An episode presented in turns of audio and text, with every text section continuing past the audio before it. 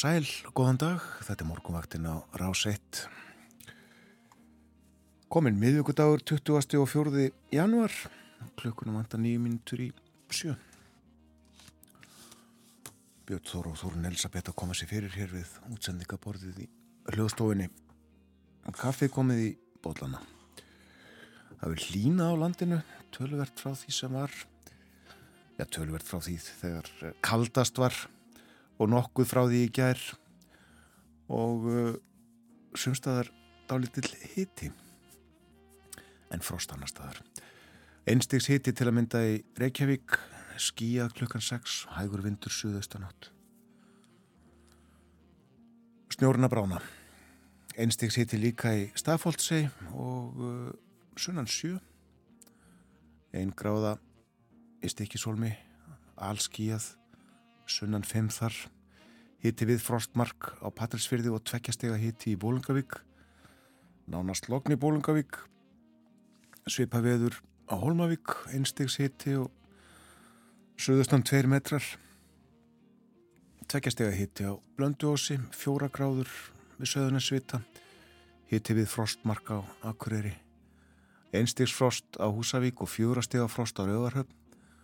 Tveggjastega frost á Skjaltingstöðum 60 frost á eilstuðum, létt skíja þar, hægur vindur, 2 steg frost á höfni Hortnafyrði, 1 stegs hiti á Kvískerjum, 60 frost Kirkjubæðaklustri, 4 steg hiti á Stórhauða í Vestmannegjum, Suðvestan 11 þar, 2 steg frost í Árnesi, en kallt á Káranhjúkum, 10 steg frost þar, 4 á 5 steg frost annar staðar á Hálendinu, 2 steg frost á Holtaverðu heiði um hann að fara margir.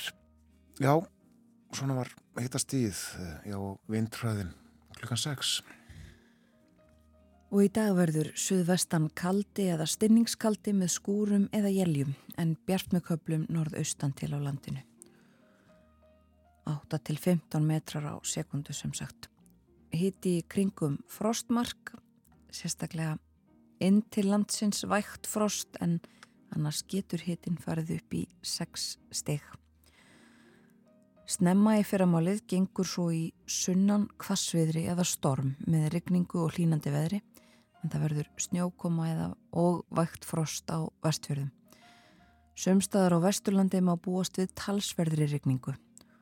Það er því útlut fyrir leiðinlegt ferðaveður í öllum landslutum á morgun en engum á vestfjörðum og síðdegis á morgun snýst svo í söðvestan 13 til 20 metra á sekundu með skúrum eða jæljum og kólnandi veðri á ný og það letir til norðaustanlands annað kvöld. Á förstu dag og lögadag verður svo áfram sunnun og söðvestanátt og jél en úrkomi minna norðaustan til. Þá verður farða kólna á ný og frost í kortunum. Sumulegðis söðlega eða breytilega átt og snjókoma með köplum og frost á sunnudag. Og það er aðtjóðasemt um þetta kvassveðri á morgun frá viðfræðingi. Kvassviðriða stormur og varasamt fyrir aukutæki sem taka svo mikinn vind. Fólk er hvað til að sína aðgátt og fylgjast með viðurspá. Og núna er hálka víða á vegum, snjóþekja sumstaðar, snjóþekja til dæmis á bæði helliseiði og í þrengslum. Það er þungfært á fróðorheiði og þæfingsferð víða á snæfellsnesi, til dæmis milli búða og hellna. Þæfingsferð líka á bröttubrekku. Snjóþekja sumstaðar á Vesturlandi. Þæfingsferð á steingrimsferðarheiði, annars snjóþekja eða hálka á vestfjörðum. Og eh, eins og áður sæði hálka eða hálkublettir víða þá við um Norðurland og Norðausturland og einnig Östurlandið eitthvað um snjóþekju þar og uh, hálta á Suðausturlandi og uh, hálka eða snjóþekja á flestum leiðum á Suðurlandi. Það er ímislegt á dagskraf hjá okkur á morgunvaktinni í dag. Eh, gestir okkar Jón Snædal, öldrunarleiknir, Þórhildur Helga Ólafsdóttir, fórstjóri Púsins og svo verður vera Ylluadóttir með okkur á morgunvaktinni. Tónlist líka og fyrsta lag þáttarins þennan morgunin syngur Diane Warwick.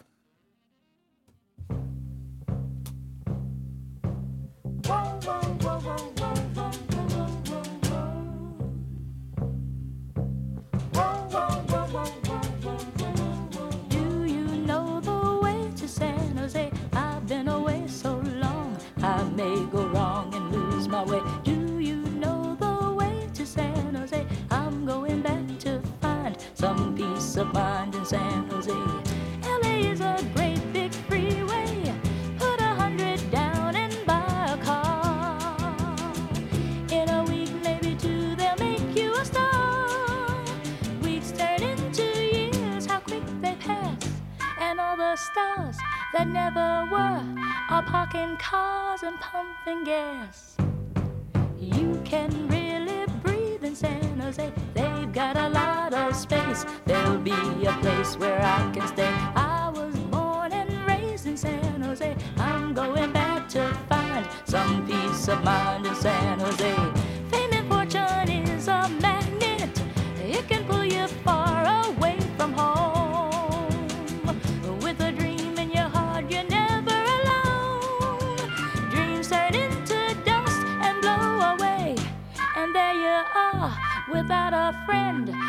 Your car and ride away.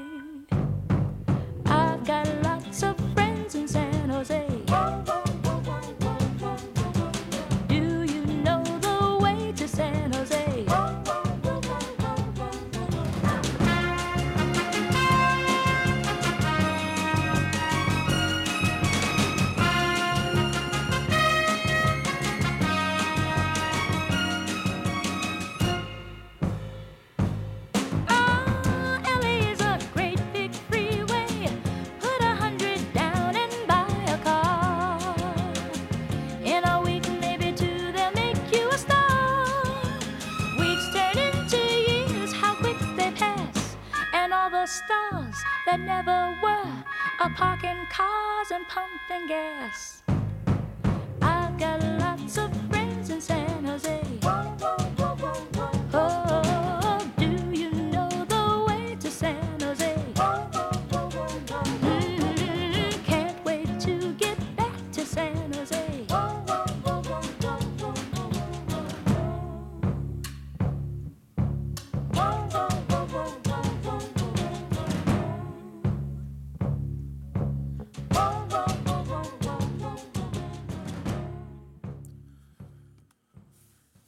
Do you know the way to San Jose?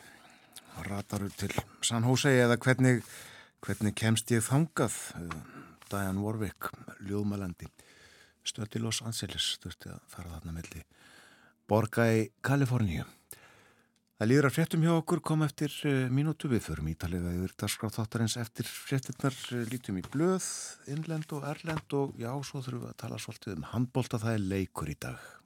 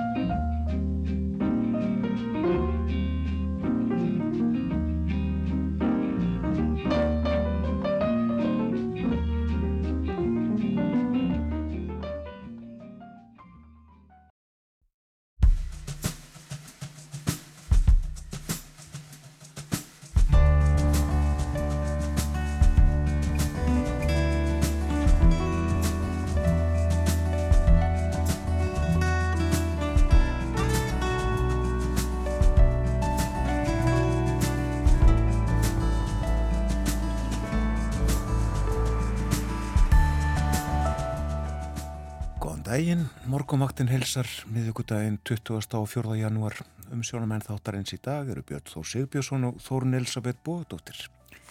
Jón Snædal öldrunarleiknir verður fyrsti gestur morgumvaktarinnar í dag.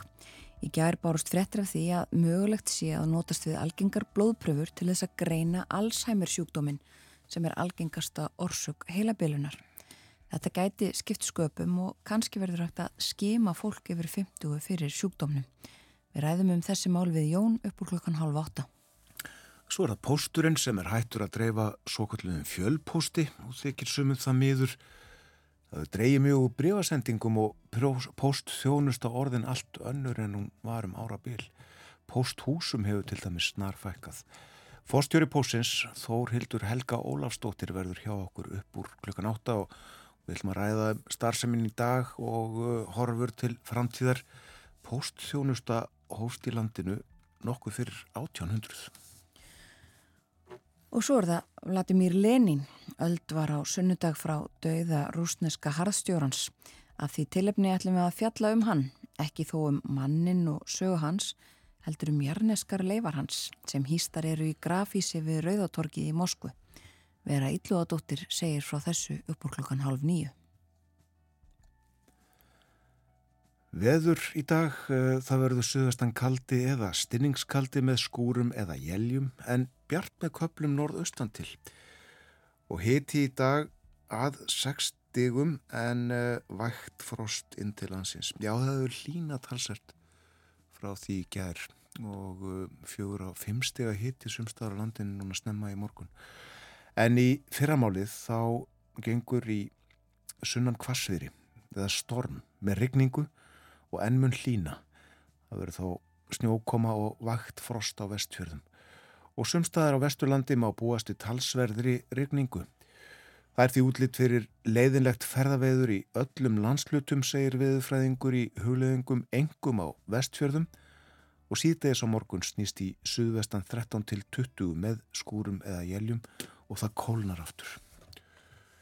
Já, hitast í því fyrir upp og niður þessa dagana. Já. Það var búið að segja okkur það í byrjun vikunar að það væri umleipingar í kortunum.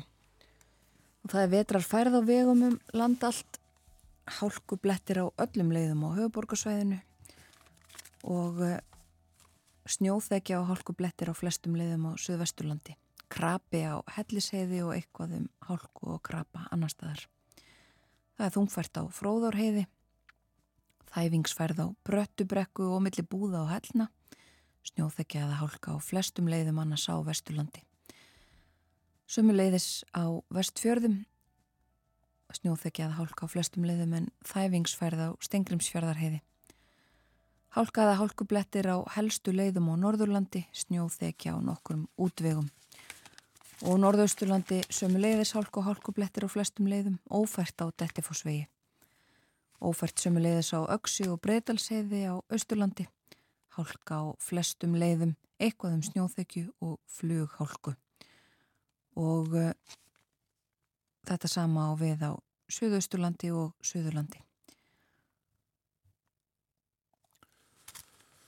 Og það er rétt að vanda skóvalið uh, vel, uh, er svolítið til hiti og mun rigna svolítið á landinu sunnaverðu. Það því slapp. Já. Lítum í blöðbyrjum á fórsíðu morgunbladsins uh, sem að uh, segi frá því að uh, já, það er langt viðtal við Frankastjóra samtaka eðinaðarins í viðskiptamokkanum Sigur Hannesson. Og hann er meðal annars að tala um orkumálinn segir verulega skorta á yfirsín yfir orkumarkaðin reglulegar upplýsingar séu ekki veittar um orkuframlegslu og orkunótkun orkustofnun hefur brugðist í hlutverki sínu að veita tröstar upplýsingar um stöðu orkumála á Íslandi, segir hann. Og uh, það er fjalla líka uh, um uh, komu erlendra gesta til hansins en þannig er að tíu erlend flugfélag aðfenda ekki stjórnvöldum lista yfir þá farþega sem að koma með þeim þótt lög mæli fyrir um að fyrirtækjum sem annars flutninga farþega til og frá landinu sé skilt að aðfenda lauruglu upplýsingar um bæði farþega og áhöfn. og af þessu hefur Úlvar Lúðvíksson lauruglustjóri á Suðunisjum þungar áhyggjur. Enda geti lögbundin greining farþega upplýsinga ekki farið fram þegar svona háttar til. Hending ræður stöðvun brotamanna segir hér í, í undir fyrir svo. Nú, uh, á forsýðu myndmorgumblaðsins í dag má sjá uh, þrjá kvalviði báta hér úti á fagsaflóðunum og uh, eitt skip til viðbútar. En kvala skoðun hefur gengið vel og hún hefur gengið framar vonum síðustu vikur. Þetta segir hann við Gretastóttir hjá eldingu. Um fjórir kvalir hafa heilsað ferðamannum daglega undanfarnar tvær vikur. Það sjást kvalir í öllum ferðum sem er mjög sérstakt í janúar, segir Rannveg. Og uh, förum þá til Vestmanæja en uh, eir.net greinir frá því að KAP, báturinn KAP, KAP annar eða KAP 2, ég veit nú ekki alveg hvort það var að segja, en uh, þetta skip aflaði mest allra netabáta landsmanna á síðasta ári. Munaði umtalsverðu á kap og bárði sem var næst afla hæstur netabáta. Og uh, þessi bátar sætaskipti á listanum. Bárður var afla hæstur 2022 kap í öðru sæti. Og þessi uh, frétt unnin upp úr frétt frá vinslustöðinni en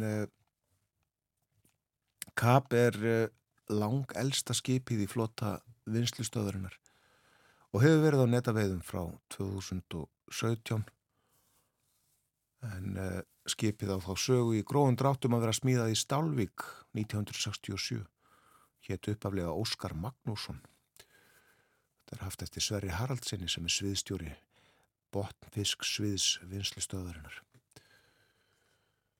og uh, að fugglatálningu en uh, fugglavernd félagið uh, heldur uh, eða stendur fyrir talningu á gardfuglum hverju ári, gert yfir eina helgi. Þetta er vennilega gert síðustu helgina í januar og fugglavernd segir gott er að hefja undirbúning talningar nokkrum dögum áður með því að hefja daglegar fóðurgjafir til að lokka að fuggla. Frankvænt aðtúðunarinnar er einföld það eina sem þáttakandi þarf að gera er að fylgjast með gardi í einn klukkutíma yfir tiltekna helgi, skrá hjá sér hvaða fuggla viðkomandi sér og mesta fjölda af hverri tegund á meðan aðtúðunin stendur yfir. Þá fuggla þar að segja sem eru í gardinum, ekki þá sem að fljúa yfir. Og má uh, finna upplýsingar og uh, hjálpar blað á uh, vef fugglaverndar, fugglavernd.is aftur aðeins á morgunblæðinu sem að segja frá því að á baksíðu að uh, nýjasta skaldsaga Arnaldar Indriðarssonar Sigurverkið þessi sögulega bók uh, hún far fimm stjórnur af sex mögulegum hjá gaggrinanda danska dagbladsins Politíkan og uh, gaggrinandin Bó Tá Mikaelis hann segir verkið einfallega framhúsgarandi og uh, gerist það miklu leiti í Danmörku. Þetta er ekki nýjasta bók uh, Arnaldar. Byggst velur reyngar á, á því. Þetta er bók sem að gerist það miklu leiti í Danmörku og uh, í konungshöllinu með að segja. Og uh, segir Gagrinandi Arnald ekki draga upp fallega mynd af konungsveldi Danmörkur frá 18. öld. Fimm stjórnir af sex hjá Arnaldi í pólitíkan. Þorun, ertu með pólitíkin fyrir fram að þig? Já, ég er með fórsíðun á pólitíkan hér fyrir fram að mig. Ekki fjallað um Arnald þar, áfram fjallað um uh, málefni fyrirtækisins Nordic Waste sem við nefndum í gerðmorgun og, og höfum rætt við Borgþór Artgrímsson líka, hann hefur sagt okkur frá þessu um, hættan á, á uh, miklum uh, miklu jarðraski og öðskriðum og uh, vegna söpnunar á jarðvegi, menguðum jarðvegi sem að mikið hefur verið og er áfram til umræðu í, í dönskum blöðum. Þetta er fórsýðu mynd og umfyllin líka á informasjón í dag en aðal frettin hjá uh, politíken í dag uh, fjallar um stöðuna fyrir botni miðjarar hafsstaðir sagt í henni að uh, Benjamin Netanyahu þeirra Ísraels og Hamas samtökin vilji ekki frið en mögulega vopnalli og uh, þvert á öll lovorð að þá eru uh, fulltrúar þeirra nú í Kæró í Egiptalandi og ræða möguleikan á vopnallíi. Uh, fyrst á dagskráni eru uh, viðræður um það að sleppa gíslum úr haldi.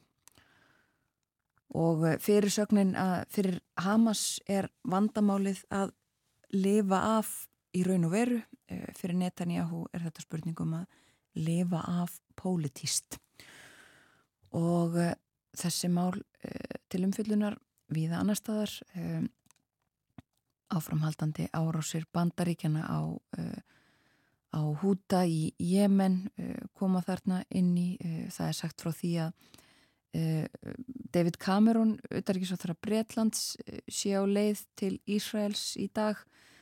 Það sem búist er við því að hann muni hvetja til vopna hljés og eh, muni lýsi fyrir áhyggjum eh, af því hversu margir og breyttir borgarar og palestinumenn hafa látist síðan í oktober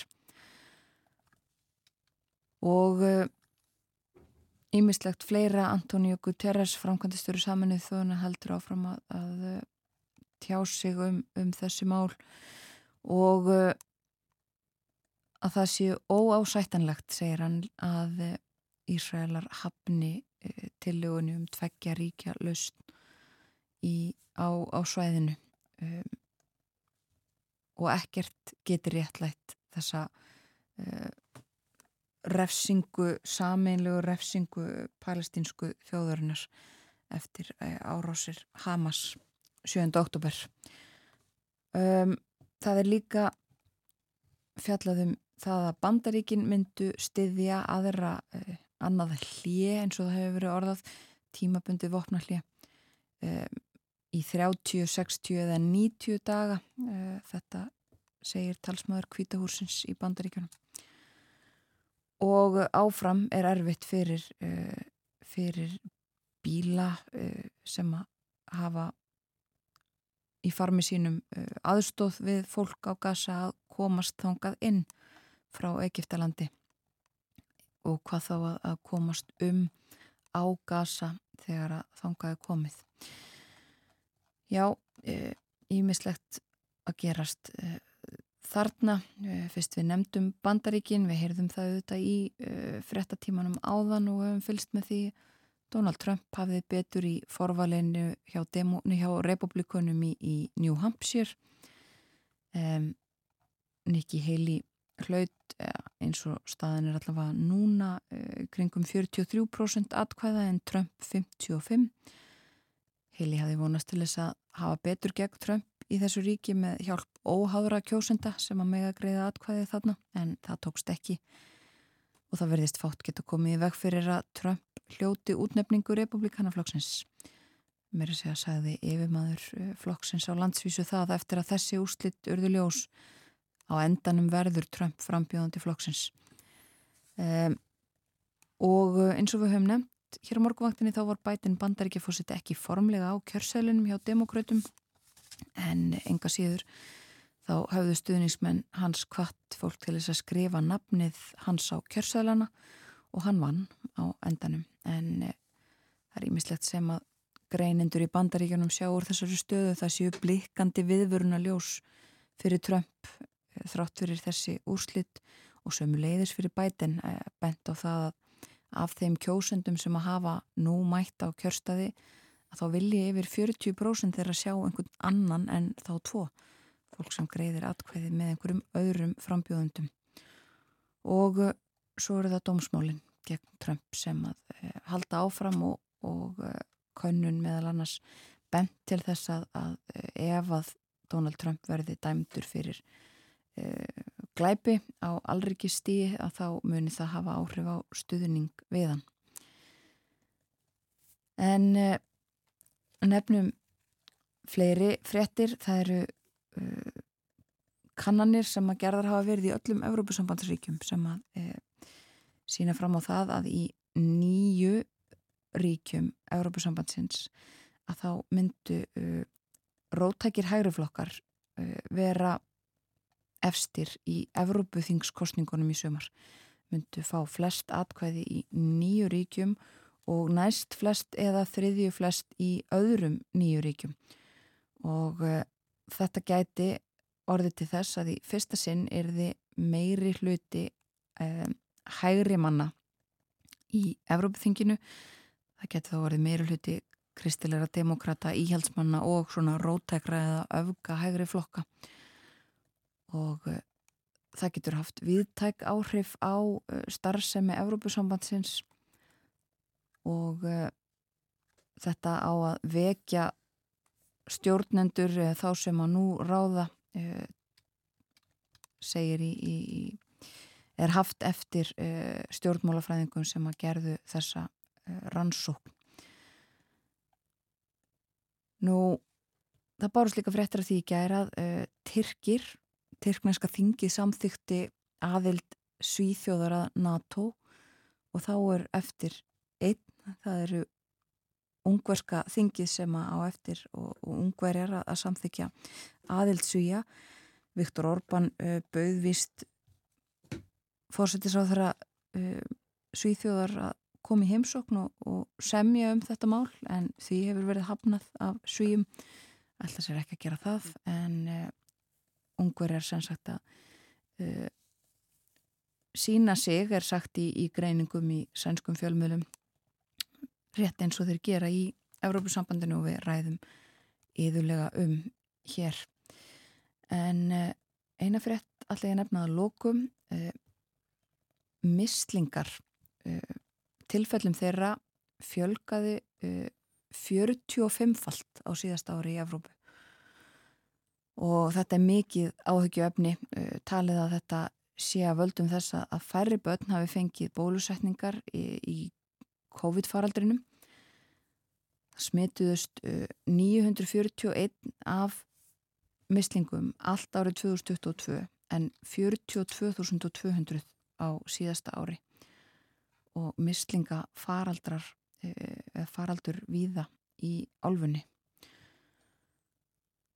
Og þetta er ágefni það var nánast ég búið að útrýma mislingum þegar að koma upp svona afmörkuð smitt og faraldur en ekkert í líkingu við þetta sem var í fyrra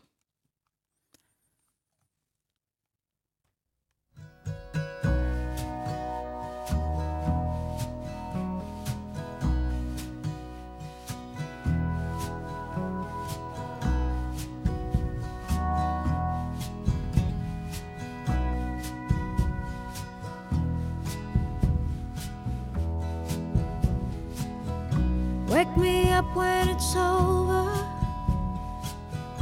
Wake me up when it's done. When he's gone away, I'm taking everything. Wake me up.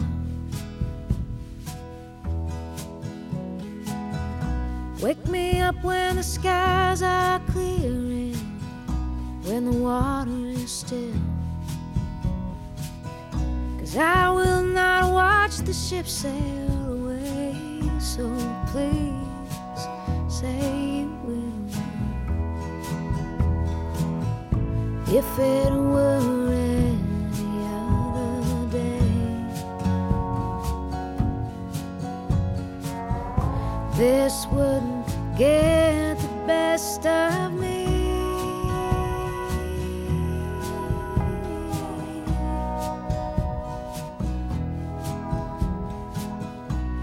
Today I'm not so strong, so lay me down with a sad song. When it stops, then you'll know I've been gone too long. Don't shake me awake, don't bend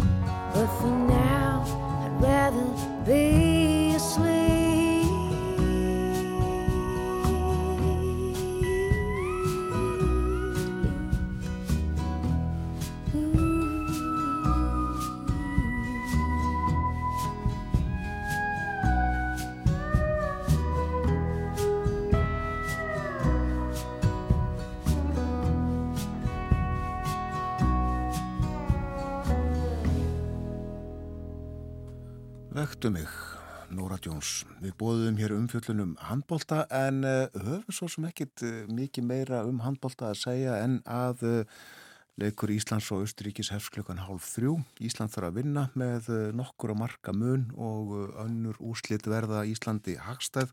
Svo liði komist á olimpíuleikana í París sem var lind og ljóst held ég markmiðið. En Östuríkismenn eru segir í handbólta, þeir eru þó ekki jafngóður í handbalta og uh, gömlu austurísku meistararnir voru í tónsmýðum. Hlustum hér á uh, sónutu eftir hættan vikingur Heiðar Ólafsson spilar.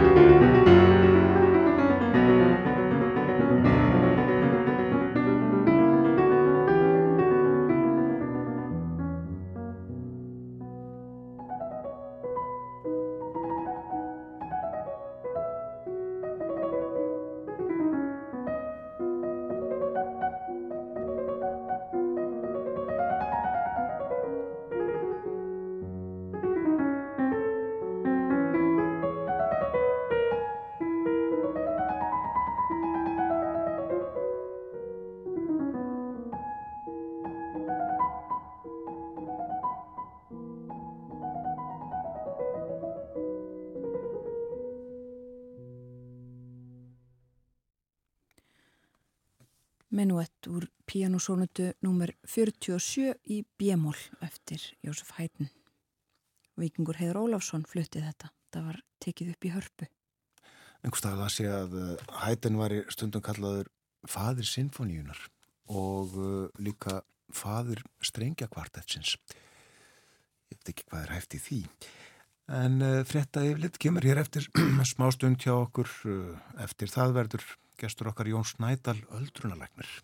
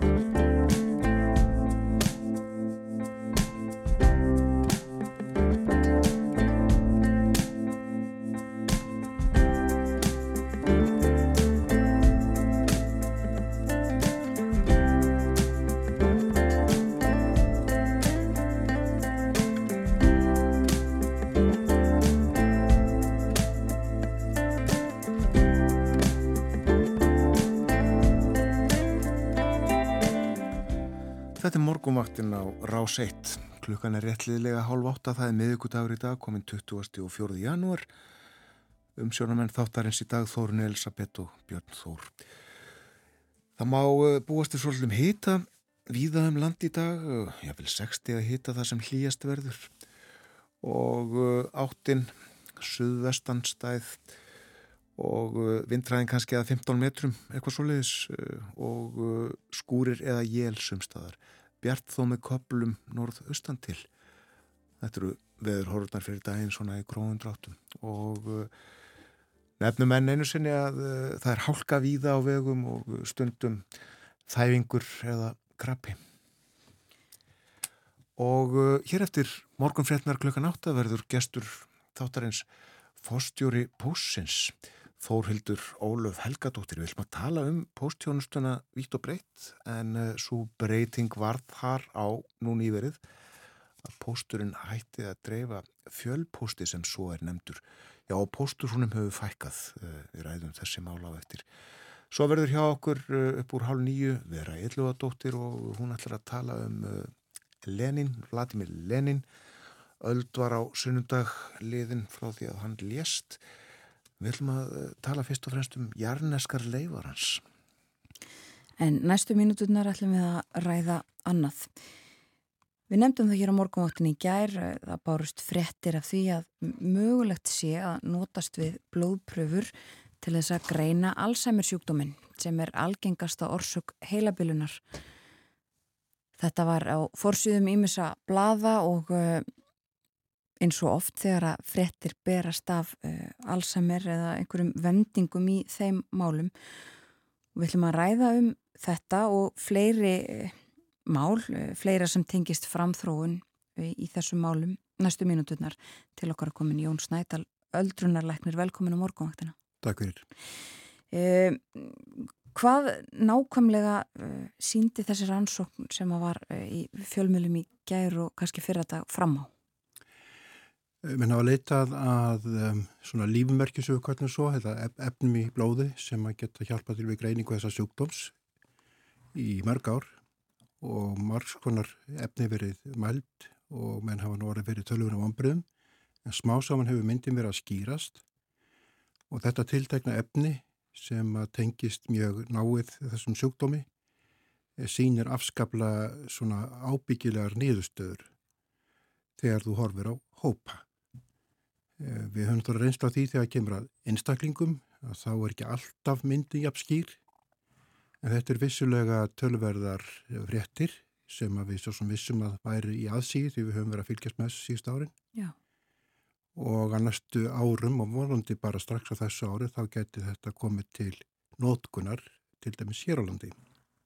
Þannig að það verði hægt þá að, að notast við blóðpröfur uh, til þess að greina Alzheimer eða til þess að greina uh, mögulegan á því að fá Alzheimer? Já, sko það notagildi er á marskunar, við skulum byrja á greiningunni. Já. Og að taka blóðpröfu, einfalda blóðpröfu er hægt að gera víða.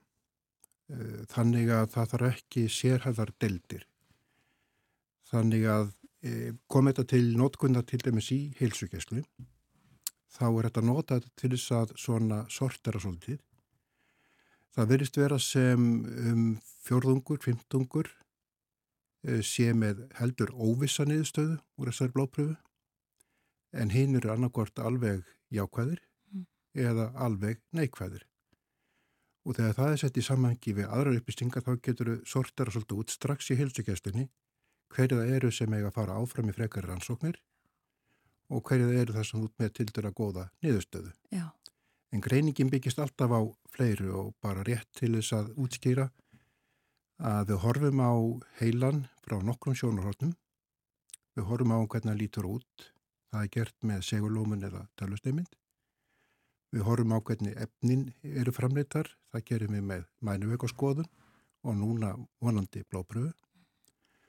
Og svo horfum við náttúrulega á hvernig hann starfar. Það gerum við með að leggja fyrir einfaldari eða flóknari verkefni eftir því sem að, sem að hérna þarf. Eh, og ég held ekki að við komum til með að greina sjúkdóm með einfaldri blóðpröfu en það hjálpar vissulega mikið til. Já, Já eh, sko greiningarferlið í dag, það eh, Er það þannig að fólk fer alltaf í þessa segulómun eins og nefnir og, og heilin er skoðaður og það eru mænu ástunga og, og fleira? Já, þetta er náttúrulega alltaf eh, svona álítamál. Við getum líka, við reynda fleiri þess jáhendaskanna, við notum hann tölvert. Um, það er misjamt. Ef að við komum til að kemur til okkar á minnismótöku þar sem ég hef nú starfað uh, og er með klára heilabilu, þá þurfum við ekki eins miklar rannsóknir. Hins vegar er að ef að einkennir miklu minni, þá notum við raun og verið allt sem við höfum tiltækt, Mm. eins og ég er búin að nefna. Já. Og það mun ekki breytast þrátt fyrir þetta? Nei, það mun vantalega ekki breytast allavega ekki í bráð. Nei. Það get ég ekki séð. Nei. En svo er það einmitt uh, möguleikin og það var rætt um það í þessum fréttum að ég, mögulega er þið hægt að skima uh, fyrir merkjum Alzheimer. Já, sko, svo ég, sko, notagildin eru margskonar í Já. þessu. Við erum búin að tala um greiningu.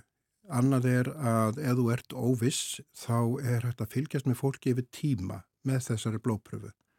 Vegna þess að þarna eru breytingarnar vaksandi með tíma. Þannig ef þú ert með tværi að þrjár mæningar með alls millibili, þá sérðu náttúrulega á hvaða leið við komandi er. Já. það, það er eitt. Í þriðalagi þá eh, er þriðanótkun er þegar komin og hún er svo að nota til þess að, að í, í rannsóknum, í til þessi lífjarannsóknum. Til dæmis að passa upp á það að það sé í svona rannsóknum engungu þeir sem eru með vissulega eh, með hérna svona sjúkdóm en vandin hefur verið sá að þetta er bland, doldi blandaði sjúkdómur og þau átt með stóran hóp þar sem að hluti þeirra er raunveru ekki með þar breytingar sem við erum að leita eftir að þá trublar það útkomuna. Og í förðalagi er það svo skeimun. Og það er svolítið lengra fram í tíman því við komum ekki til með að skeima nema við getum bóðið upp á eitthvað virkilega raunhæft í kjölfarið. Já. Það er skema fyrir krabbameinum og á frumstíði þá er þau bara einfallega tekin og það er læknað. Hér við ekki að tala um slíkt. Þannig að ef að við fáum síðar einhvers konar eh, möguleika á að koma í vekk fyrir svona þróun, þá náttúrulega getur skimið komið til greina og þá verður þetta handtækt. Já, það eru þetta ekki hægt að uh, lækna Alzheimer eins og staðanir í dag þannig að það að skima uh, alla myndi ekki þjóna tilgangi. Nei, það þjónar engun tilgangi og við höfum til dæmis bara svo nefna það, við höfum vitað það í 20 ára ákveðin gen geta aukið áhættuna en við höfum ekki notað það fyrir fólk vegna þess að við getum ekki bóðið upp á eitthvað sérstakt í kjölfarið þannig að það er ennveru ekki, ekki góð þjónusta. Nei, það væri væntanlega bara valdið til þess að uh, valda fólki hugarangri. Já, þetta er gert í uh, rannsóknum eins og lífjarrannsóknum og þá er fólk upplýst og þá er það náttúrulega tilgangurinn að sjá hvort að þetta sé virkilega hjálpa þeim, hugsaðna umfram aðra. Þannig að þá hefur ákveðin tilgangur en, en í venjulegri vinnu þá er þetta ekki gert. Nei. Þú nefndir uh, minnismóttökuna sem að hefur verið starfrækt hér uh, í ja, tepp 30 árið eitthvað svo leiðis, er það ekki? Jú. Og uh, þangað getur fólk leitað. Uh, er, er sko aðgengi að þessar helblöðustjónustu hér gott? Geta allir sem að áþurfa að halda komist í þær rannsóknir sem þarf? Um, já og nei. Eh, Við viljum náttúrulega fá tilvísum frá heimilisleiknum og við viljum að þeir hafi metið málið áður og þeir gera það. Við fáum mikið af vönduðum beðnum frá heimilisleiknum sem hafa sem sagt, lagt þetta eigið mat. Eh, Þannig að það er ekki, fólk getur ekki komið þangað sjálf. Við höfum ekki möguleik á því. Ég var í síðustu viku í Danmörku og þá kom til tals svona starf sem að minnismóttöku sem þar eru víðar og það, það er alveg ljóst að við stöndum miklu betur en þeir varðandi byggtíma. Mm. Byggtímin í dag er sennilega 3-4 mánuði frá því að beginni berst. Eh, Þetta er svolítið breytilegt. Við höfum komist niður í 2 mánuði en við höfum stundum farið alveg upp í 9 mánuði sem að, að mínum að er óasettalegt. En þar er það venjulega yfir það að jafna þið Já. og þannig að það er reynd ekki gott. Nei. Og ég spyr vegna þess að líka það eh, þessar frettir sem við nefndum í upphafi þær eru svona auðvitað, alþjóðlegar og það er ekkit sama staðan allstaðar og kannski eh, stærra mál annar staðar þetta að það er verði hægt að nota blóðpröfur því að aðgengið að þessu sem að þú nefndir eins og myndatökum og, og, og mænu ástungum er kannski ekki það sama og aðrar greiningar aðferðir líka allstaðar í heiminum. Nei, það er það ekki. Við erum raunverulega, ef þú horfir á því raunverulega í alltjónu samanbyrju, þá erum mjög vel sett. Já. Og það er löng, það getur verið sko eftir að fólk lóksins kemst að það getur verið löng bein eftir, bein eftir segulómin eða, eða jáendaskanna eða mænuvöku og þannig að við erum þokkalega vel sett og okkur finnir sjálfum oft þetta að vera frekar slagt. Já. Og þú talaður um Jón uh, sko lifin, það eru ekki til eða hafa ekki verið til lif sem að geta stöðvað framþrónuna eða, en, en það hefur verið ímislegt í gangi samt undanfarið og kannski bara rétt síðustu árin svona sem að uh, vekur vonir er það ekki? Jú, það, það er það. Við hefum hættir að sjá hversu vel það er vonir fyllast en vissulega það eru ný lif að koma, þau eru komin í bandarækjanum og það er verið að byggja um leifi í Evrópu. Það verður ljóst núna bara eftir einn eða tvo mánuði hvort að það leifi verið veitt. En að því gefna það verið veitt að þá er líklegt að það geti komið til nótkunnar hér á landi í lok þess í byrju næsta. En þetta eru bara ágískanir. Um, þau eru ekki, sko, þau lækna ekki sjúkdóminn en þau draga úr framtróðunars meira en núverandi meðferð gefur og við mögum ekki gleyma því að við það sem við höfum í dag að það hjálpar aðeins til þess að draga úr framtróun og ef þetta bætist ofan á það þá verður það ennþá meiri breyting frá því að vera ekki með neitt. Mm. Þannig en ég vil aðeins spenda á í, í hérna áður með sleppum með blóðbröðunar. Uh, við höfum sem verið í mjög góðu samband við þessa rannsakutur Gautabák sem að byrja þessa grein. Já. Og þeir hafa lofað okkur því að þegar þetta verður notað almennt hjá þeim þá, ver, þá höfum við aðgang á því jáfnframt.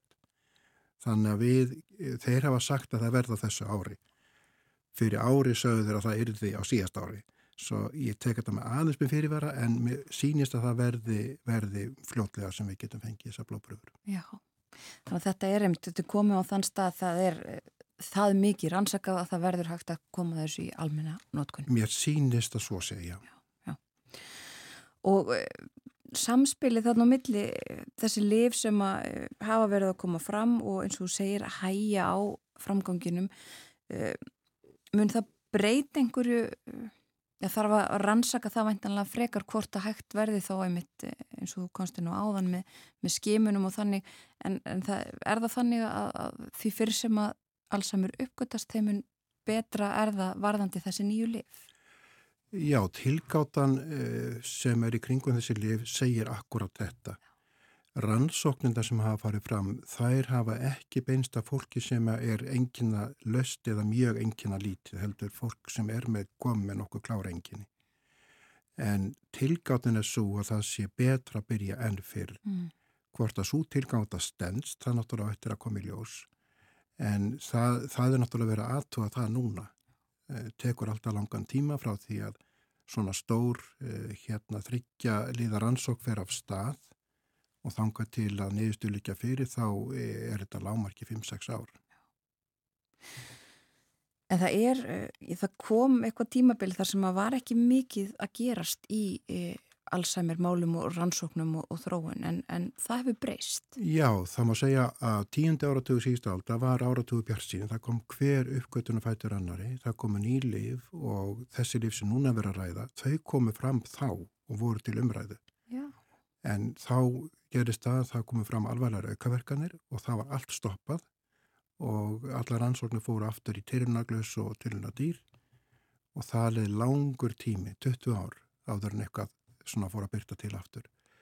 Þannig að frá aldamótum og framundir 2020-2021 eh, þá fannst manni ósköp lítið verið að gerast en síðust árin þá sjáum við byrta til. Já, og er það þú bara uh, aukin áhugi á því að rannsaka þetta og finna lækningu eða auknir fjármunir, hvað hva skýrir þetta? Eða er það bara búið að vera stanslus vinna sem að mm. lóksins ber einhvern ávöxt? Já, ég held að sé nú tvent, annars er þetta bísnaflókið og uh, það er margskonar erfiðleikar við að þróa þessi lif sem að reyndar hafa verið þróa ansi mörg og sem þeirra hafa ekki náðmáli. En svo er annað að, að það er óskaplega dýrt að koma svona livjum á marka, það eru bara stærstu fyrirtæki, það eru engin ríki sem gera þetta, þetta er engungu markaðurinn. Og markaðurinn stýri þessu út frá því hvaða, hann, hvaða hag hann sér í því. Og ef maður sér ekki mikinn hagi því þá kannski beinar að sjónu sínum annað. Og það hefur líka gerst að sumar stærstu fyrirtækjunum ákvæður hreinlega hætta að rannsaka þennan sjúkdóm fyrir svona áratug eða liðlega það og það náttúrulega hefur sennilega senkað þessu en frekar. En sem betur verið hafa sumdir að haldið áfram.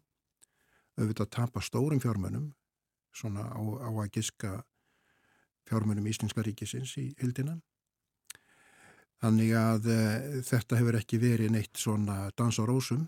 En e, sem betur verið erum við að sjá aðeins ljósum fyrir endanum á gangunum núna. Já, og von á fleiri fleiri livjum eða fleiri Já, það eru fleiri í pípunum þau reyndar ekki mörg akkur á þessu sviði en menn er að skoða svo mörg mar margt annað. Og ef þú horfið bara á svona langvinna sjúkdóm eins og háþrýsting, asma um, og, og fleiri slík, gikt sjúkdóma er enginn þeirra meðhandlaður með einu, einum lífjaflokki það eru, það eru tveir, þrýr, fjóri, fimm lífjaflokkar sem eru til og kannski fleiri líf úr hverjum flokki til að velja milli fólk getur lendi aukaverkunum fólk getur lendi því að tiltekin hérna líf passa ekki en þá passa önnur.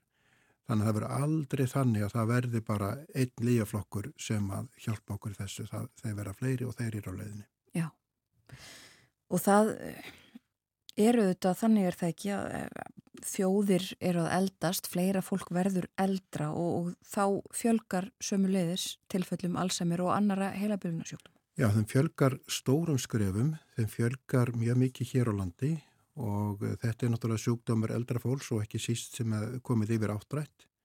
Þó að hann geti vissulega hent fólk sem er á miðjum aldri bara upp úr 50 eh, og við erum að sjá til þess íslengu þjóðuna eldast tölver 13. áratugum. Það sama við um flestar eh, þjóðir út um allan heim Nokkrar eru komið aldrei vel á undan okkur, mm. þar sem eins og Japanir og Ítalir og fleiri, þar sem að þjóðin er orðin hlutvarslega miklu eldri en nú var, en við erum auðvitað þeirri leið. En yfir heimina þá er þetta langmest í sem sagt löndum þar sem að er miklu svona minni efnahagur og þar sem hverki er völ á svona þjónustu eins og er veitt á Norðurlöndunum nema ekki á þeim sem hafa peningi til að borga. Þannig að einfaldar aðferðir og ódýr liv það er það sem að þarf fyrir heiminn þó að við höfum oft tök á því að, að ná, því, ná því nýjasta þegar það kemur. Já, einmitt. Og þá uh, ljúkum þessu einmitt á uh, þeim stað sem við byrjuðum sem eru þessar blóðpröfur, þessi nýju tíðandi og, og þar ekki síst einmitt í fátækari ríkum heimsmun þetta skipta sköpum. Já, Já. verulega. Kærar þakkir fyrir að koma til okkur á morgumvaktina og ræða um uh, Alzheimer og meðferðir og liv og blóðpröfur Jón Snædal öldrunalegnir. Takk fyrir mig.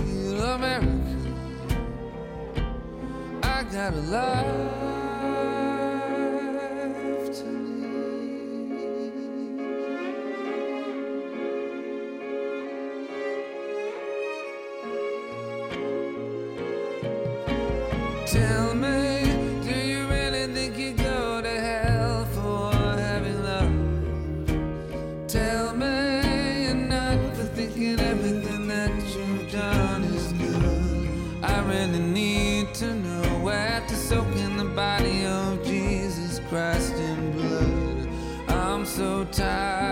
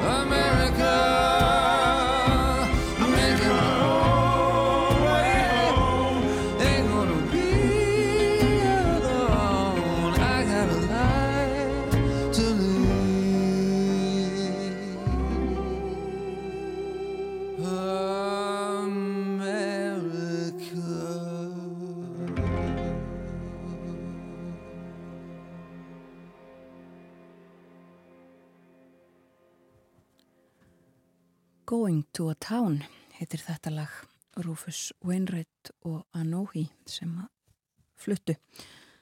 Líkum þetta í kjálfar viðtalsokkar við Jón Snædal öldrunarleikni sem að rætti við okkur um Alzheimer og um fréttir um, af því að hægt verði að nota blóðpröfur til þess að uh, aðstóða við greiningu á uh, þessum algenga heilabilunar sjúkdómi og hann sagði okkur líka frá því að uh, þau hér á Íslandi hafa verið í samtali við uh, þessar rannsakendur í Gautaborg sem hafa lofað því að um leið og blóðpröfur á þessu tægi verða komnar í almenna nótkunn þar þá koma þeir líka í almenna nótkunn hér á Íslandi.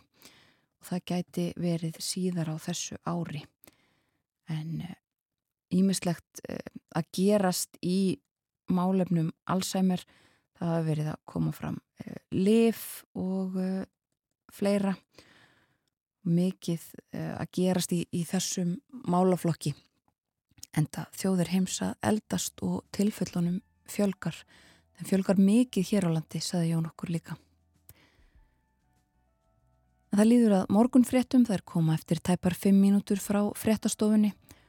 Og uh, að þeim loknum þá ætlum við að ræða við Þórildi Ólufu Helgadóttur fórstjóra Póstsins. Mikið umræða um póstin, uh, póstburð í landinu og uh, fækkum pósthúsa, svo fátt eitt sé nefnt. Hún sest niður með okkur eftir frettinnar og í síðasta luta þáttarins kemur til okkar vera Illuadóttir.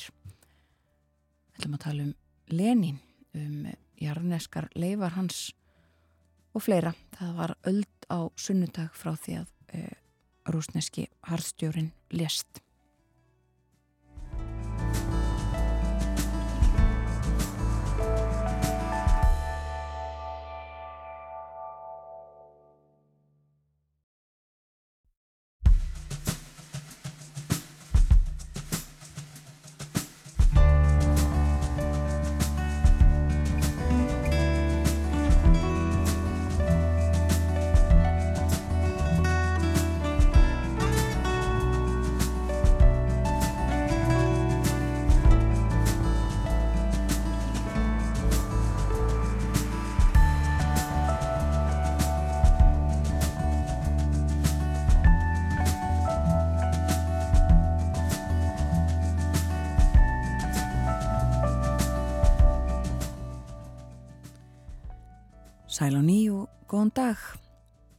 Þetta er morgumaktun á rás 1. Klukkan er 6 minútur gengin í nýju og það er miðvíkudagur í dag, 20. og 4. januar. Og það er eh, vetrarfærðum landið allt. Suðvestanátt, skúrir eða jél, víðast hvarum landið í dag, bjart með köplum norðaustan til og heitin í kringum frostmark. En það er vara við því að í fyrramálið þá gengur í sunnan 18 til 25 metra á sekundu, kvassviðri eða storm með regningu og hlínandi veðri en það verður snjókoma og vægt frost á vestfjörðum. Og má búast við talsveð verðri regningu sem stöðar á vesturlandi og því útlitt fyrir leiðinda veður í öllum landslutum, engum á vestfjörðum. Og það kólnar og hlínar á víksl næstu daga, borgar sig að fylgjast vel með áður en haldið er út í daginn. Við rættum hér áðan við Jón Snædal öldrunalekni um Alzheimer og uh, nýjar vendingar í þeim málum og í síðasta hlutu þáttarins verður vera íllugadóttir gestur okkar og hún ætlar að segja okkur frá Lenin. Það voru hundrað árum helgina frá því að hann lest og uh, hún ætlar að segja okkur frá jarneskum leifum hans sem eru í grafísi í Moskvu.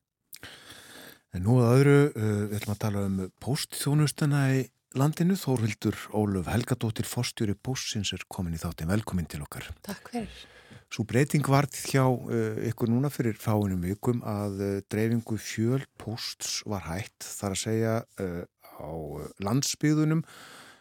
Dreifingunni hafði áður verið hætt á suðvestur horninu en uh, Markir eru ósáttir og uh, skilja eða ekki hvernig á þessu stendur fjölpóstur, þetta er fyrst og fremst uh, auglýsinga, uh, bæklingar og uh, annað slíkt en þetta gerði að verkum að meðfram var hægt að dreifa ímsu öðru efni, hér er fréttablöðum til að mynda en já, nú er sannsagt öldin önnur. Hvernig stendur á þessu? Já, það er í rauninni þannig að brífunum hefur fakkað gigatísk undanfærin ár og við förum núna bara í 15 hvert hús í, hérna, í rauninni og fjörpastur er krastast og við förum í hvert einasta hús. Auk þess að við förum bara, með, förum bara tvistu sinnum í viku. Þannig að það er í rauninni samlegar áhrifin að því að vera með fjölpast í kjærfunum okkar þegar við fórum 5 sinnum í viku og núna þegar við förum bara tvistur í viku að þá er samlegar áhrifin eru, eru orðið nánast engin. Og ofta tíðum er þetta svona viðkvæmur varningur, tíma viðkvæmur varningur, það er verið að senda auðlýsingar um útsölu um helgina og við náum ofta tíðum ekki einu sinna að dreifa það sem okkur ber að dreifa fyrir sett tímamörk. Þannig að það er ekkit gaman að fá auðlýsingabækling á mánudegi þegar útsalan var kannski um helgina. Nei, og uh, greiðslurnar frá fyrirtækjunum fyrir að uh, fá þessu dreift stóð ekki undir þessu? Nei, í rauninni ekki. Þannig að auk þessum að hérna Við erum bara ekki að fara í hvert einasta hús. En það er rauninni þannig ef að hérna, pósturinn myndi koma fyrr eða ölsingabæklingin myndi koma fyrr og þetta gæti auðvitað að farið inn í brífadreifingu þá gætu við alveg dreift fjölpósti raunverulega. En eins og staðin er í dag þá gáttu við ekki verið að dreifa kannski miðugundag, fymtudag og föstudag alls þar á landinu. Og þau voru kannski bara að dreifa á fymtudegi eða bara á, á, á miðugundegi og, og náðum ekki þessari dreifingu á fjölpósti. Fjölpósturinn hefur minkað mjög mikið í gegnum tíðina. Þetta var yfir, hérna, hér áður fyrir miklu meira. Þetta hefur minkað mjög mikið. En ég hefur þetta ágjör að því eins og hér að setja blöðunum á bandablaðinu og er sliku að, að þetta skulle vera erfitt að dreifa þessu. Já, hefur ekki fengið skammið fyrir? Jú, jú, alveg. Og það var náttúrulega, er búið að vera svona alltaf miskilningur hjá fólki að hérna, fólk hefur talið þetta að vera innan alþjónustu og alþjónustegin er rauninni skildan okkar það sem við þurfum að gera. En þetta fjölposturinn hefur ekki verið innan alþjónustegin en þetta er vara sem þarf að standa undir sér og við erum með fyrirtækjarastri þannig að við getum ekki left okkur að vera með vörur sem að skilja okkur miklu tabi Hvað fellur undir það sem hún kallar alþjónustu? Það er í rauninni pakkar upp í 10 kíló bref upp í 2 kíló og svo eru hérna erlendastendingar til og frá landinu upp í 20 kíló. Þannig að það er það sem við okkur byrja að fara með Og þetta er eitthvað sem að hviðir áum í lögum eða hvað? Já, það er hvið áum í rauninni hvað fellur innan marka postþjónustu, alþjónustu inn í postlögunum. Þannig að það er rauninni það sem að vera með innan alþjónustu. og svo erum við að sjálfsögðu með hérna, þjónustu, utan alþjónustu til dæmis 10 kilo pluss pakka innanlands við erum alveg að þjónusta öll svæði með uh, varning 10 kilo pluss þó sem alþjónustan kveði bara á um 0 til 10 kilo Veistu uh, hvernig útgefundur til dæmis hér að fréttablaða fara að uh, bændablaðsins? Já, við erum að reyna að finna leiðir fyrir bændablaðið. Þetta er náttúrulega e- eins og ég segja hérna dreifingatíðnin í fjölbóstunum var aðeins önnur heldur en, heldur en í brífunum þó svo að við dreifðum fjölbósti með brífunum að við erum bara að reyna að finna takti með bændablaðinu, finna leiðirnar sem getur hentaðum best. Þannig að við hefum verið að vinna mjög náum með þeim að reyna að finna réttu leiðin á landsbygðinni. En svo náttúrulega haugborgarstæðinu er eh, þetta orðið aldrei þungt í vöfum og ég veit að Íslandsbústar ætla að fá áskrift á mokkanum inn í höfðabakka 9D og það er bara ekki bóði að fá mokkan þákað. Þannig að þetta er alveg ágefni dreifingu, blað og tímur þetta á landinu. Já, pósturinn var borin út daglega er það ekki fyrir ekkert svo mörgum árum? Já, jú, það er sko alveg klart. Það var, en það voru þá kannski 60 miljón bref í, í kerfunum okkar og það stóð fyllilega undir sér. Við þurftum að fara í hvert einasta hús með póst en það er svo sannlega ekki svolítið í dag.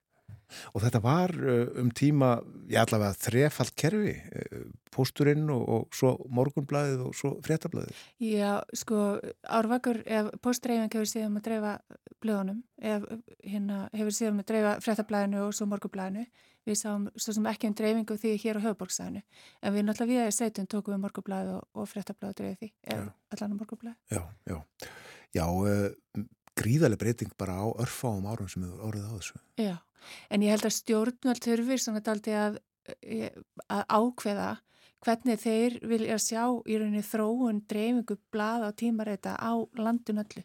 Og ég veit að þessi í Nóri er þetta sérstaklega borið út. Í dag er bara mjög erfitt að fá til sín fréttablöð heim. Hvernig er þetta gert í Nóri, segir þú? Þá er rauninni bóðið út hérna blada og tímareita dreifing og það er hérna, posturinn endan í Nóri er með dreifingu blada og tímareita hjá sér. Þannig að þeir byggðu bara í það verkefni. Og er þar borðið út daglega hvað? Eða, e, Já, já. sexinum viku. Í hvert hús? Já, en í rauninni eins og morgublaði kemur út um mótnana, það fer ekkert sérlega vel saman kannski hugsalega brefadreifing og morgublaðdreifing. Við erum ekki alveg sama takti. Við erum að flokka brefin og, og við erum að dreifa ekki svona eldsnæma mótnana eins og er gert með morgublaðin. Þannig að sem við hefum ekki séð alveg sko samlegar áhrifin í dreifingu til dæmis blaða höfuborgarstæðinu og brefa. Nei. En það fyrir við bara tvisari viku. Já, uh, og uh, þeir sem sagt komið í hvert hús tvísvar í viku. Ef að þarf er á. Ef þarf er á, það er að segja. Mm -hmm. Og það er ekki alltaf eða hvað? Það er bara alls ekki í dag. Við erum að fara kannski í 15 hvert hús. Að því að stundum, já, oft á tíðum eru bara engi bref. Ég menna, við getum hérna rætta hversu mörg bref hafið þið fengið í janúarmánuði. Eru ótrúlega að fá. Heldur það stittist í að þið farið einu sinni í viku í hvert hús? Það er aldrei að vita. Það er náttúrulega stjórnvalda ákveða, ákveða þjónustu stíð, hversu oftu förum. Já. Og í raunin Nóri er nýbúin að fara í tvisari viku. Þeir voru alltaf annarkvæð dag, alveg og við. við. Við fórum alltaf, fyrst voru sinnum, svo fórum við annarkvæð dag og nú fyrir tvisari viku. Í Danmarku er bara að fara einu sinni viku. Þeir eru reynda með mjög mikla breytingar á postunum í Danmarku núna. En við fylgjast mjög vel hvað er að gerast á Norrlöndunum og það getur vel verið að það enda því að við fyrir bara einu sinni viku með brif. En núna er uh, þjónustan eins um allt land, skil ég þetta rétt, eins í, í Reykjavík og Kópaskeri og inn í Baródal. Já, í rauninni í Kópaskeri aðeins öðru í þessi, við erum búin að vera í tilhörnaverkefni þar, já, já. gaman og skilt minnast að það, Já, en þar hófum við fyrir að fyrsta júli að dreifa brefum og pökkum í postbox og þetta er tilhörnaverkefni og við erum að sjá fyrir okkur rauninni að hvort að það geti verið einhvers konar hérna, þjónustu sem getur búið upp á, á minni stöðum út á landi. þannig að það er ekki farið í hús á Kópaskeri. Nei, það er ekki farið, ekki lengur. Hvernig takaðu það? Sko við erum hérna bara, auðvitað eru breytingarnar oft á tíðum erfiðar. Við erum að fara að gera þjónustukonun á Kópaskeri til að heyra í rauninni hvernig fólkinu líður. Það er auðvitað upp og ofan, en okkur hefur fundist það bara ganga príðilega. En hérna þá er fólk bara rauninni skráð sig hérna heimilsitt í, á eðubla á netinu hjá okkur og við hérna sendum SMS þegar það kemur eitthvað í postbóksi. En við dreifum öllu í postbóks á Kópaskeri. Já, Og posthúsunum hefur fjölga, snar fækkað líka. Já, og í rauninni hefur þeim fækkað mjög mikið. Við vorum með 56 2022 og erum með 40 í dag. Þannig að hérna, post, mannar postagrissi stöðar og það við höfum líka sérst, verið í samstarfi við aðila á landsbygðinni eins og við höfum verið í samstarfi við bankana og við samkaup og, og annað slikt en því við fækkað líka, já. Hvað er mörg postus í Reykjavík?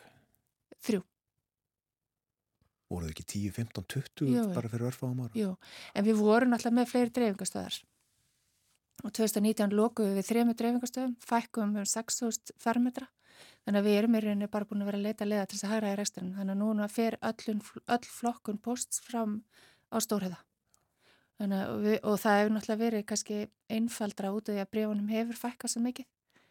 Þannig að við hefum bara þurft að hægra þetta alltaf í kerfunni okkur til þess að bara e- eiga ofan í okkur á. Já. Já, uh, það er margt aðteklisvert í þessu. Uh, hvað með uh, pakkasendingarnar, pantanir á vörum, fötum og öðru utanur heimi? Stækkar þetta alltaf vex? Já, þetta var bara alveg mjög mikill vöxtur þess að síðast ári og við erum búin að vera að gera allskist breytingar í kerfunni hjá okkur, við erum búin að hérna, sjálfvirkni væða ymsa ferla hjá okkur, þannig að við erum árið miklu fljótar að afhenda vörur sem koma utan að heimi.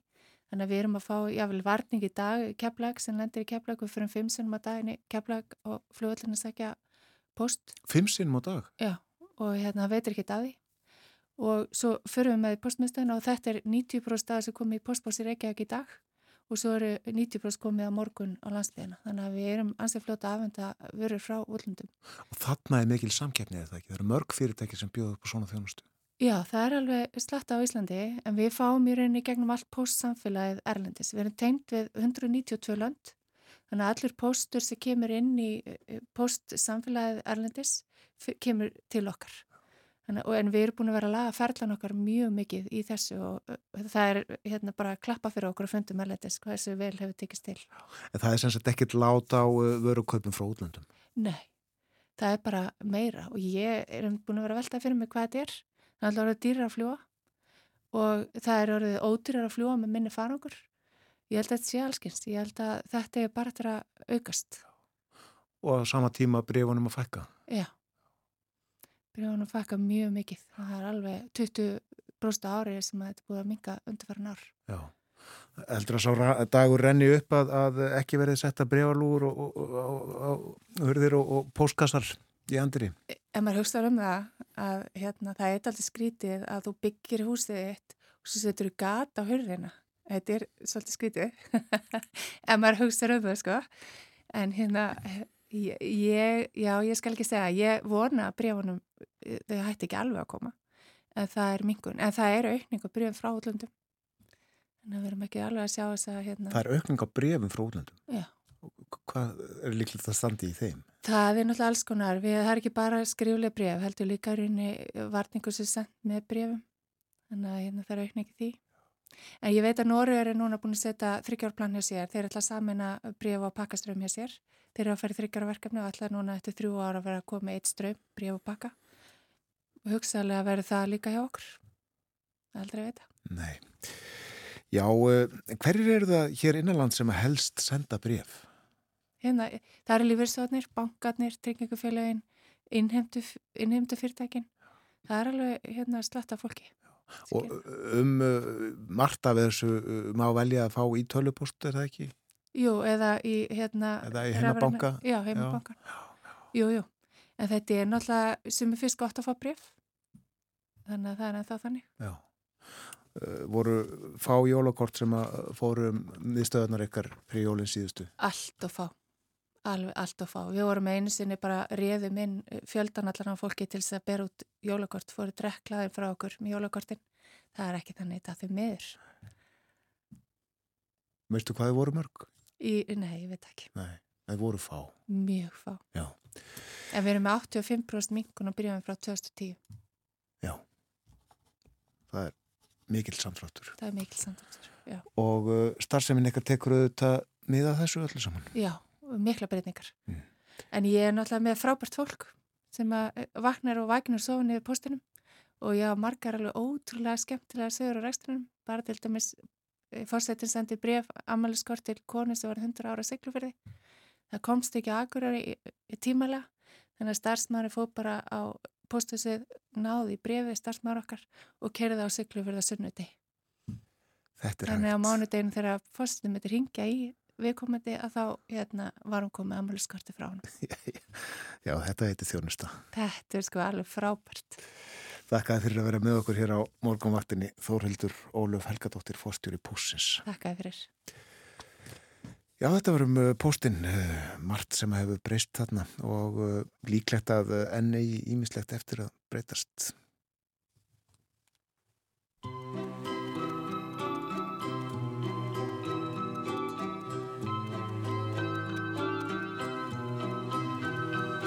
La France de mon enfance n'était pas en territoire de France, perdu au soleil du côté d'Alger. C'est elle, la France où je suis né. La France de mon enfance, juste avant son rêve d'indépendance. Elle était fragile comme la liberté. La France, celle où je suis né. Le soleil n'était pas celui de Marseille. Ma province n'était pas ta Provence. Je savais déjà que rien n'était pareil. Et pourtant, mon cœur était en France. Mon enfance, mon pays, ma terre, ma préférence, avait une frontière méditerranée? C'est elle, la France où je suis né. La France de mon enfance n'avait pas tous ces murs de silence. Elle vivait en paix sous les oliviers. La France, celle où je suis né. On avait l'accent d'une région lointaine. On était perdus comme en Lorraine. À l'école, on apprenait la différence, mais c'était la même histoire de France. La France de mon enfance, par amour, par désobéissance, son prénom était un nom étranger. C'est elle, la France où je suis né. La France de mon enfance, moi je pleure encore de son absence. Elle était française, on l'a oubliée. La France, celle où je suis né.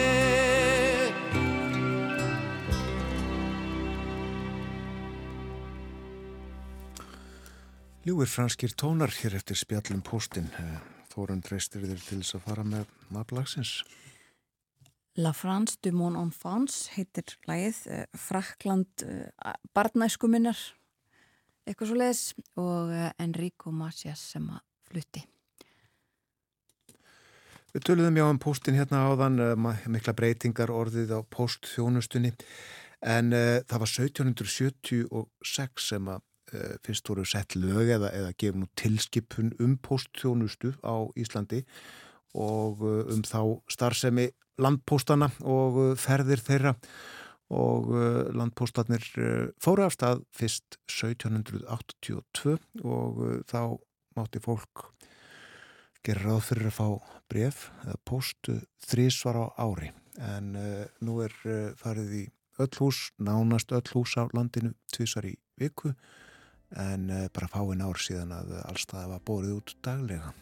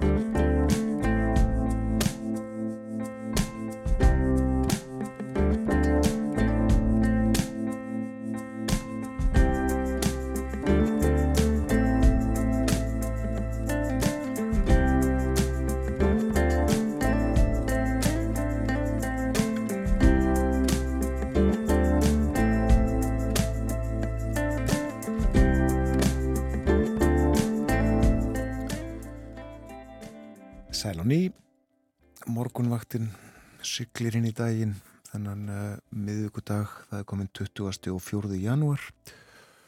Mörsugur fer að klárast, þorri á förstu daginn, klukkan núna réttliðlega hálf nýju. Að uh, baki er umfjöllunum þjónustu pósins og uh, einnig framfærir í læknavísindum en nú ætlum við að tala um söguna. Til okkar er komin Vera Ylluðadóttir, góðan dag Vera. Góðan daginn. Við höfum nefnt það hér í morgun, við ætlum að ræða um Lenín, eh, já um jarneskar leifar hans í grafísi við Rauðatorki í Moskvu en eh, tilefnið, við kannski ættum að byrja þar, tilefnið er það að eh, á sunnudaginn þá var liðin öld frá eh, dauða þessa rúsneska harstjóra. Eh, ef við ekki að byrja þar.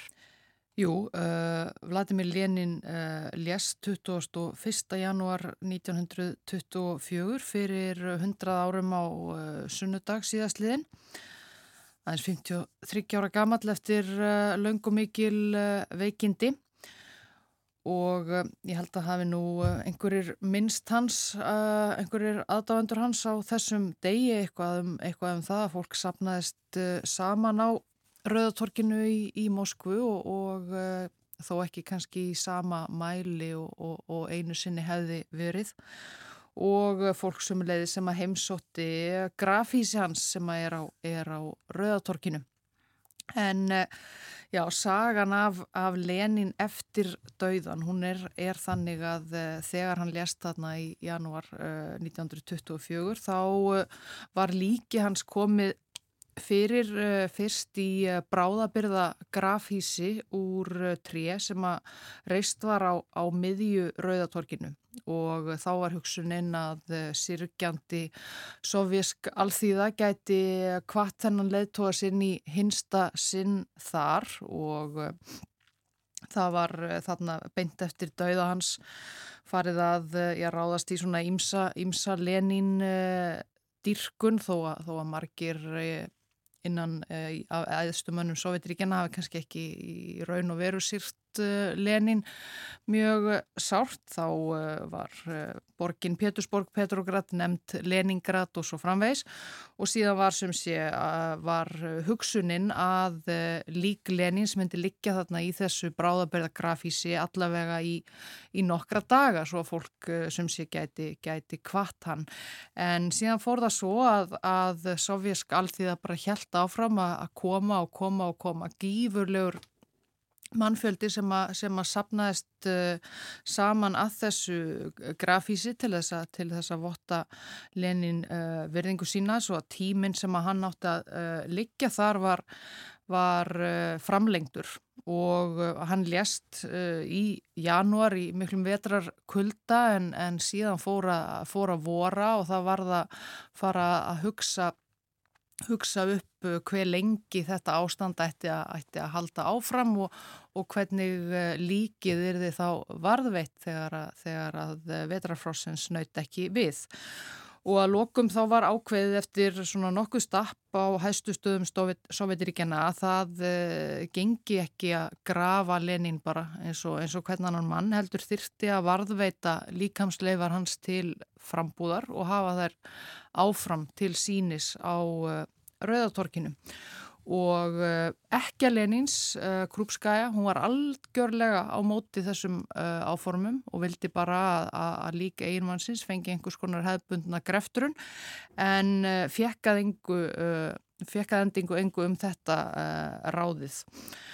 Og þá var sé ráðist í það að komast, uh, komast að því hvað væri hægt að gera. Það voru fyrstu áform voru að ein- einhvern veginn að djúpfrista uh, líkið og það var vist búið að panta sérstakann fristibúnað frá uh, Þýskalandi í þeim tilgangi.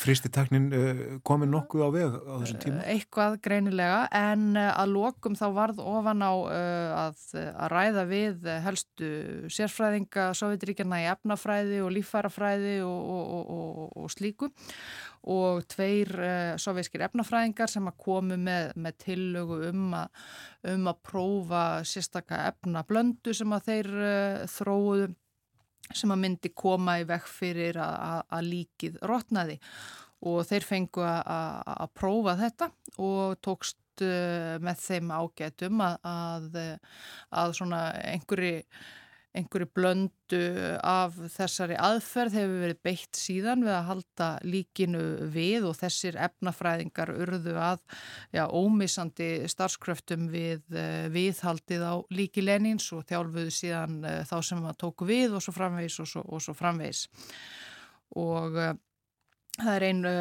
fræk saga af, af öðrum þessara verkfræðinga, Boris Barski hétt hann og uh, fræk saga því þegar Sovjetríkin fjallu og, og borgarar gáttu farið í, í leyniskíslur KGB sem að þá eruð aðgengilegar.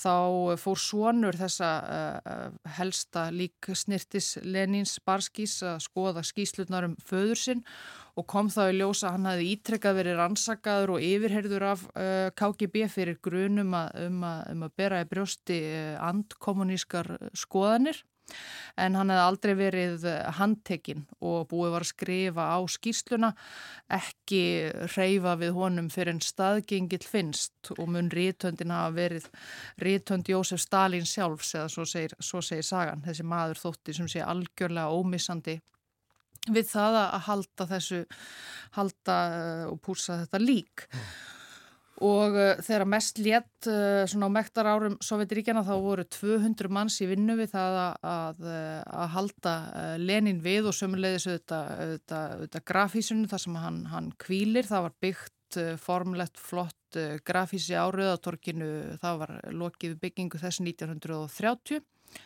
og þar hefur hann leið, leið síðan nema árið 1941 til 45 þá uh, þegar að þegar að þótti hætta á því að þjóðverjar myndu leggja undir sig uh, ráðast á Mosku þá var lík Lenins flutt með sérstakri lest uh, til Sýberíu þar sem að það, sem að það var, var geimt í geimslu uh, til stríðsloka. Uh, svo hefur hann auðvitað uh, ekki verið alveg alltaf einn þarna. Uh, smurðu líki Stalins var komið við, fyrir við hliði Lenins eftir andlátt Stalins 1953 en Stalin fikk ekki að kvíla þar nærrið því eins lengi því að í umbótum Nikita Khrushchevs 61 þegar farið var að búið var að vinda talsvært ofan af dýrkuninni á Stalin þá var lík Stalins fjarlægt úr grafísinu og það var síðan grafið við hlið uh, annara leðtoga og, og herfóringja og mektarmanna í, í grafreitnum við uh, Kremlarveggi, bara stutt á vegalegn þarna frá grafísinu en síðan hefur, hefur Lenin leið þarna einn. Þetta ákvæðs eins að Khrushchev að Stalin skildi grafin en uh, ekki Lenin? Nei, Lenin var þá uh, ennþá uh, stað, staða hans þannig að hann fekk að vera þarna í, í friði og hefur, hefur fengið það síðan og ennþá, ennþá sem sé alltaf alltaf honum haldið við og það svona hefur í já, áratugana rás kvílt dálítil uh, lend yfir svona nákvæmlega þeim aðferðum sem að beitt er til þess að, til þess að halda líkinu í þessu, þessu góða ástandi vilja, uh, vill fólk meina að það sé í. Uh, það sonur þessa sparskíslíksnistis hefur nefnt Eh, hefur skrifað bók um þetta mál og nefnt þar nokkur efni sem hafa voru notuð glíseról og, og etiksýru og, og, og fleira. Inniblinn hafa uh, fyrir löngu síðan verið fjarlægð úr uh, líkinu og fræksaga því að heili Lenins var, var tekin sérstaklega og fluttur uh, á heila rannsóknarstofu Sovjetríkjana, rannsóknarstofnun sem var stopnuð eiginlega sérstaklega um bara heilanna því að uh, Lenin þótti svo óurlega merkilegur maður öðrum fremri að það þurfti að rannsaka sérstaklega heila hans til að komast að, komast að lendarmálum hans. Og veistu hver þau voru? Það, þau, það fór lítið af niðurstöðum þeirra rannsókna lengi vegna þess að það sem að í ljós koma var að þetta var algjörlega eðlilegur heili og ekki hægt að sjá allavega í, í, í smá sjá einhver, einhver, sérstakar greind eða sérstakann byltingar anda eða, eða þannig en það eru ennþá til einhverjir bútar úr heila Lenins á uh, einhverju rúsneskri stopnun held ég. En uh, aldurinn eru þetta farin að segja til sín. Uh, líkið er orðið 100 ára gamalt og þó það sé nú kannski ekki ít, hafi nú aldrei verið ítala að fjalla um það, þá seg, segja þeir sem þekkja til að það þurfi að beita svona hvað hva ærótækari aðferðum og, og, og, og kannski harðari efnum til þess að halda honum í, í standi. Uh, hann er þrifin og á svona um átjón mánuða fresti, uh, dýft þá í einhverja, einhverja efnablöndu sem, a, sem heldur honum uh, gangandi. Og, ekki kannski gangandi? Nei, ekki gangandi, liggjandi. Uh, og uh, segja líksnirtir hans uh, hafa sagt á síðustu árum að hann muni endast lengi en þessu haldið áfram, geti ég vel endst í, í einhverjar aldir verði þessu áframhaldið og hann jafnvel hafi sjaldan lítið, lítið betur út en hann gerir einmitt nú, ég veit ekki hvort að þá er miðað við Lenin í lifanda lífi eða, eða ekki. En hann sem sé uh, er þarna og þetta kostar auðvitað talsverða peninga, það hefur lít, lítið verið fjallað um það sömu, sömu leiðis, þetta var þóttivist að var gott starf á sovjetárunum að, að fá vinnu við það að, að fríska upp á, á Lenin og sérfræðingarnir í, í smörningu hans þeir sömu leiðis þóttu búa yfir já, ómissandi upplýsingum um, um það hvernig við halda ætti uh, látnum byltingarleðtoga þannig að þeir voru, þeim var flóið út um uh, heim allan og tóku þátt í, það, þátt í því að smerja lík Kim Il-sung í Norður Kóru Ho Chi Minh í Vietnám og, og, og fleiri álíka mönnum og svo síðan eftir fall Sovjetiríkjana þá uh, var vist hægt að kaupa þjónustu þeirra, einhverjir uh, rúsneskir uh, glæpafóringjar og ólíkarkar sem, a, sem að það gerðu, segir allavega sagan. Uh, en eftir fall Sovjetiríkjana þá uh, gafst rúsneska ríkið uh, í einhver ár upp á því að borga fyrir þetta allt saman og það var rúsneski kommunistaflokkurinn sem borgaði fyrir rekstur grafhísis Lenins en rúsneska ríkið tók það síðan aftur yfir. Og 2016 þá var greint frá því að það væru 13 miljónir rúsneskara rúbla sem að færu í þetta á ári, það er eitthvað um 20-25 miljónir íslenskara króna og auðvitað einhverjir uh, rússar sem að, sem að kannski vilja ekki halda þessu áfram og margi sem að spurja sig uh, hvað er að gera við Lenin á að láta hann kvíla þarna áfram í, í, í fleiri aldir. Uh, það var vissulega hugmyndin uh, hugmynd leðtóða Sovjetiríkjana þegar hann var, þegar hann var smörður og þarna myndi hann kvílað eilífu en nú eru Sovjetiríkjana auðvitað löngu hætt að vera til og, og staðan dálítið önnur og ímynd Lenins sérstaklega En uh, framtíð uh, smyrlingsins hefur uh, verið nokkur höfuðverkur. Þetta var til dæmis mikið rætt 2017, þá voru 100 ár frá rúsnensku byltingunni.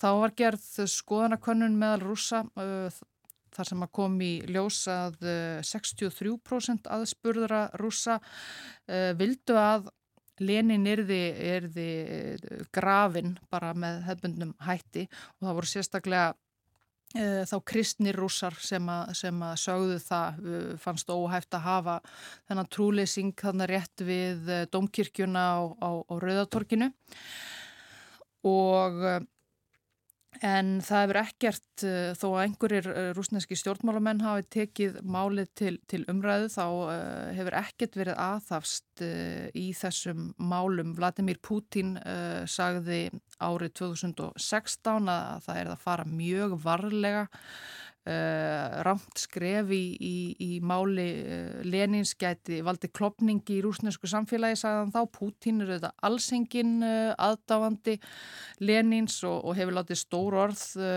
flakka um hann og borið hann þungum sökum í, á síðustu árum. Þannig að örglega einst inni vill Pútín ekki endilega hafa hann þarna.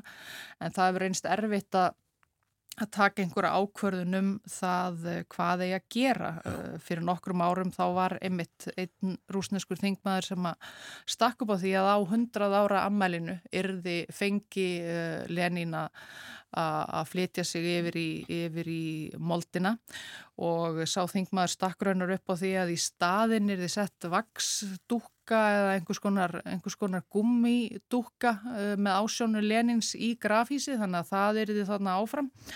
En uh, rúsneski kommunistar urðu mjög uh, móðgæðir þegar þessi tillaga var, var sett fram og, og hótuðu því að, að draga þennan uh, þingmann fyrir dóm og, og, og hvaðina þannig að þessi hugmynd fekk uh, ekki fram að ganga og það var uh, bara lítið á held ég þessari umræðu núna á þessu hundrað ára, hundrað ára dánar afmæli mannsins hvað þetta verða um hvað þetta verða um, um líkansleifannar. Já, þannig að það er alls óvíst hvort að uh, Ósk ekkunar verði uppfyllt, hún vildi jú á sínum tíma lennirði grafin. Já, þetta er orðið ansi langur tími en auðvitað einhverjir uh, vísindamenn kannski sem, a, sem að kunna að meta það, þetta er orðið, uh, já eiginlega held ég fordæmalauðs tilraun að hafa, hafa núna þetta lík þarna í, í, í hundrað ár og viðhalda því á, á þennan, þennan hátt. Og það er ekki nóg með að sé uh, þarna í, í grafísi, það er til sínis og, og fjöldi fólks leggur leið sína uh, í grafísið til þess að verja uh, jarnarska leifar Lenins augum og vera þú hefur gert það? Já, ég gerði það fyrir nokkrum árum síðan þegar ég var í Moskvu, fannst nú ekki annað hægt. Þeir segja það nú sem að til þekkja að, eh, að raðirnar fyrir utan grafhúsið séu nú ekki eins eh, langar á síðustu árum og þær, og þær voru kannski á árum uh, Sovjetiríkjana. Það verður aðeins dreyið úr aðsokna líkinu. Ég held að hún sé þó uh, já, nokkuð stöðug. Þarna maður, það er ókipis að fara þarna inn og, og maður stendur í röð og það er leitað á manni af örgisvörðum sem að, sem að standa uh, vörðum líkið bannaða taka myndirleinin kvílir undir eh, gleri það var stundum komið upp einhverjar uppákomur, fólk eh, reynda vinna, eh, vinna skemdir á líkinu eða, eða jáfnvel stela því en uh, hann er þannig undir mjög sterku, uh, sterku gleri bannað að taka myndir og, og bannað að tala þegar maður uh, gengur, gengur hjá, karlmenn eða taka niður hatta og, og svo leiðis held ég en eh, maður fær sem sé að lappa þarna eh, í stuttastund framhjá, framhjá líkinu sem að, sem að kvílir þannig. Já, var þetta merkilegt?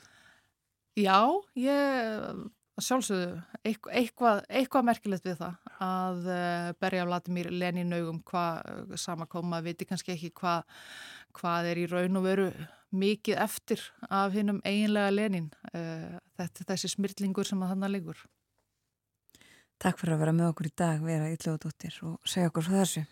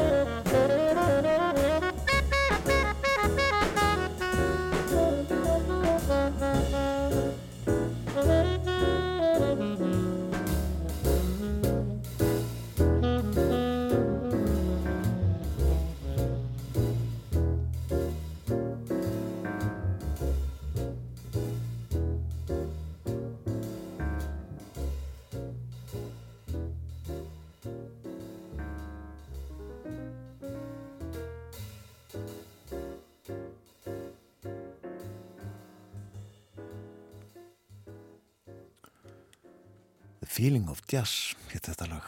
Tilfinningin í jazzinum, hvorki mér einnig minna.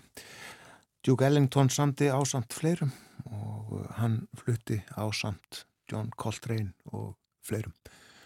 Og þetta var síðasta atrið og daskra morgunvaktarinnar í dag. Já, þættinum að ljúka. Við höfum verið hér frá því snemma í morgun Björn Þór og Þórun Elisabeth. Og förum að segja þetta gott. Önnur dagskrá tekur við á rásitt fyrst frettir þær koma klukka nýju en eh, morgunvaktin verður á sínum stað í fyrramálið. Við þökkum samfylgdina þennan miðvíkudags morgun. Minnum kannski á að það borgar sig að vera vel skóaður Já, í slappinu já, Það eru hitabreitingar og úrkoma og hálka á vegum. Minn líka á að Bói Ágússon verður með okkur á morgunvaktin í fyrramálið. En já, við þökkum samfélgina, vonum að þið njóti dagsins verði sæl.